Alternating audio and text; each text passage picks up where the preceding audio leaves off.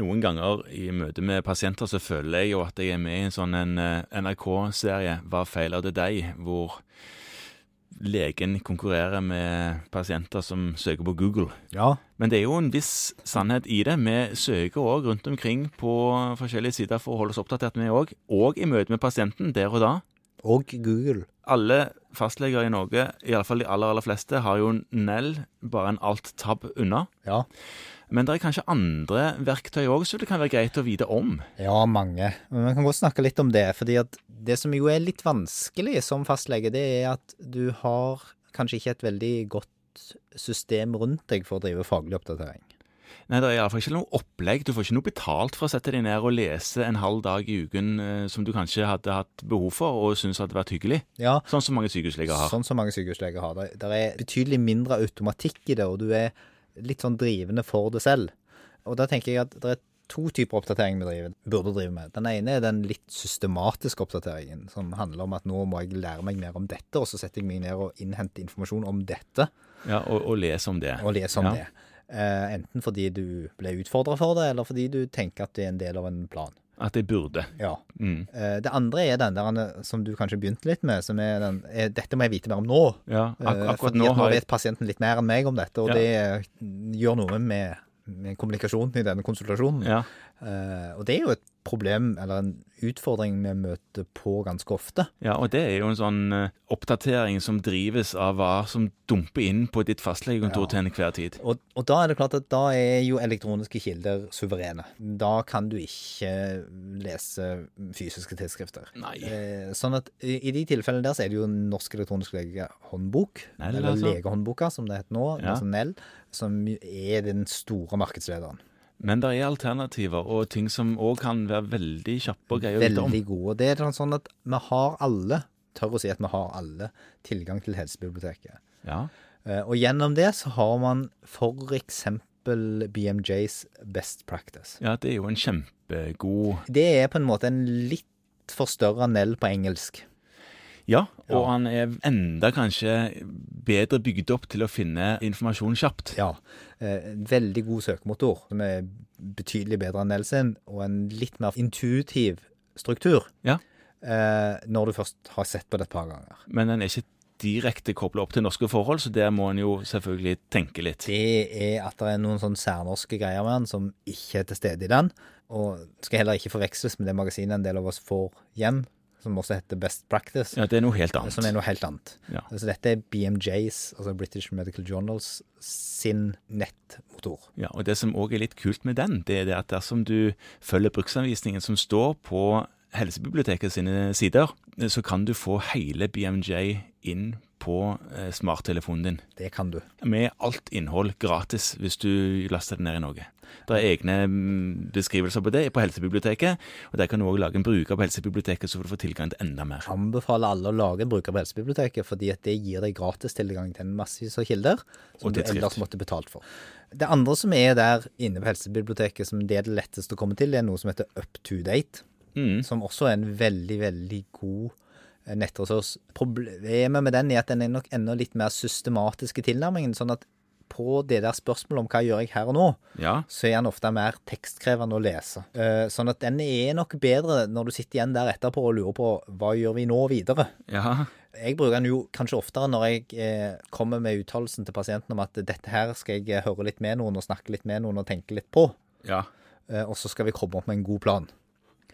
Da er up to date kjempebra. Den er up to date.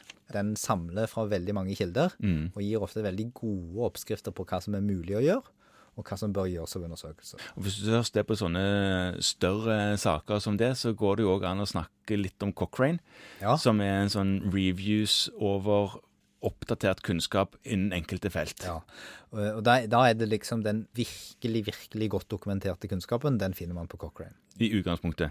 i utgangspunktet. Den er, blir ofte såpass stor og såpass oversiktlig at den nesten kan miste overføringsverdien til enkeltpasientene i noen tilfeller. Det er sant. Dette her er ikke sånn du sitter bedside og leser, nei. Når du virkelig skal dra de store linjene for hva som skjer behandlingsmessig, og hva som er fornuftig behandlingsmessig, Mhm. så er Cochrane veldig, veldig bra. Den samler inn det som er gjort av kvalitativt god forskning, og prøve å systematisere det for deg.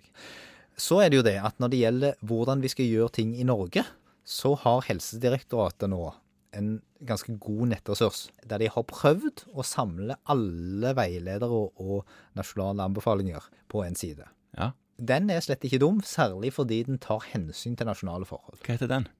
Den heter helsedirektoratet.no, Mhm. og så er det en link til veiledere og Og- retningslinjer. Ja, så Der finner du veldig, veldig eh, mye. Der finner man enormt mye. Der finner man sånn som diabetesveilederen og antikoagulasjonsveileder og førerkortforskrifter. og Antibiotika i allmennpraksis. Alt dette. Alt det der. Og da kan du da se på det som er tilpassa norske forhold. De er ikke heller veldig, veldig, veldig anvendelige sånn på svar her og nå.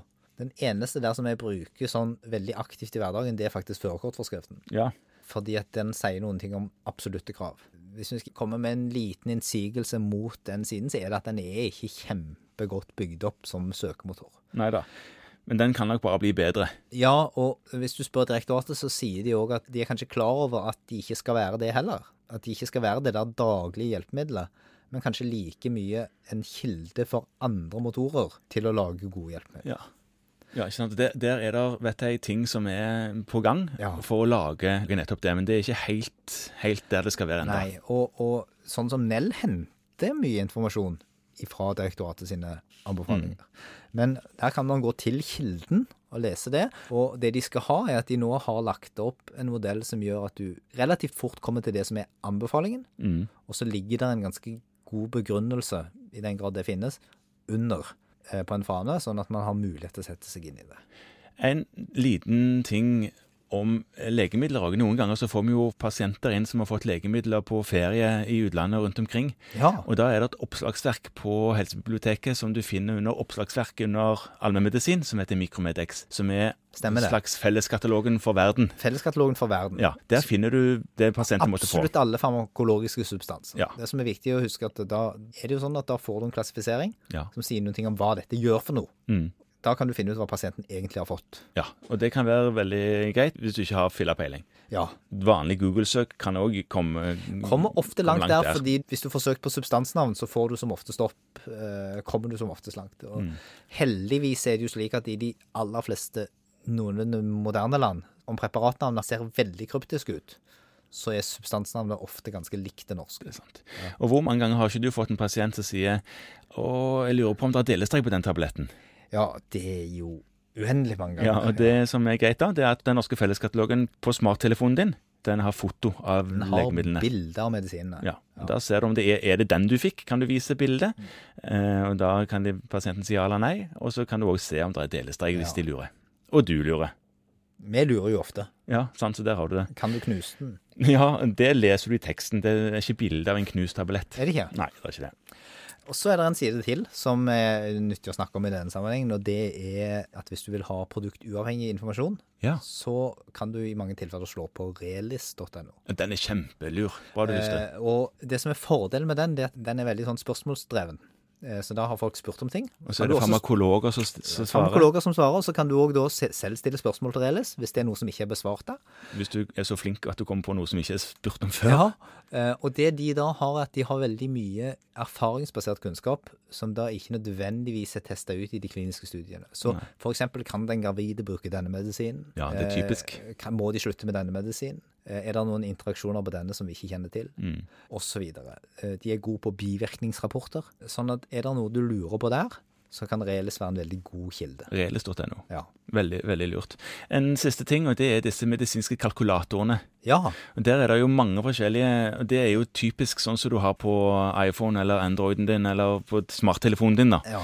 Og Der er det mange forskjellige applikasjoner å laste ned. Enormt mange. Ja, og det fine med de er at der kan du fort plotte inn og få Chadwask og Framingham eller Wellscore, og da kan du òg finne originalartikkelen som ligger til grunn, og lese den dersom Iallfall finne den dersom du var interessert i hva som er grunnlaget for denne kalkulatoren. Det er et kjempenyttig hjelpemiddel. De finnes da et vel av, og der må du nesten gå inn på nettbutikken til ditt telefonsystem Ja. og se hva som finnes tilgjengelig. Ja. Og det oppdateres hele veien. Det som er viktig med de, er kanskje å følge litt med på at noen av de oppdateres. og ikke dør med forrige versjon på Nei. telefonen. Nettopp. For der har det vært litt forskjellig. Eh, Så følg litt med på det, men ellers er de kjempegode. Og så må vi jo, siden dette er en eh, norsk podkast og vi er i Norge, så må vi jo slå et lite slag for vårt eget tidsskrift. Ja, det fins òg Det, eh, på det fins på nett, eh, og er søkbart på artikler. Og det er fortsatt sånn at det å kikke gjennom Jeg leser jo ikke tidsskrifter fra perm til perm, men å kikke gjennom for å se om det har skjedd noe nytt som vår lokale forening mener er så viktig at de skal trykke det, det kan være lurt. Det tar ikke så veldig lang tid. altså Mange av oss får jo dette tidsskriftet hver 14. dag ca. Dumpende ned i posten med ca. noen hundre sider dårlig samvittighet på hva man burde ha kikket gjennom. Eh, jeg kikker gjennom innholdsfortegnelsen for å få et oversikt over er det skjedd noe spesielt, og hva er det vi snakker om nå. mm. Og så finnes det på nett, hvis du vil tilbake til det. Ja.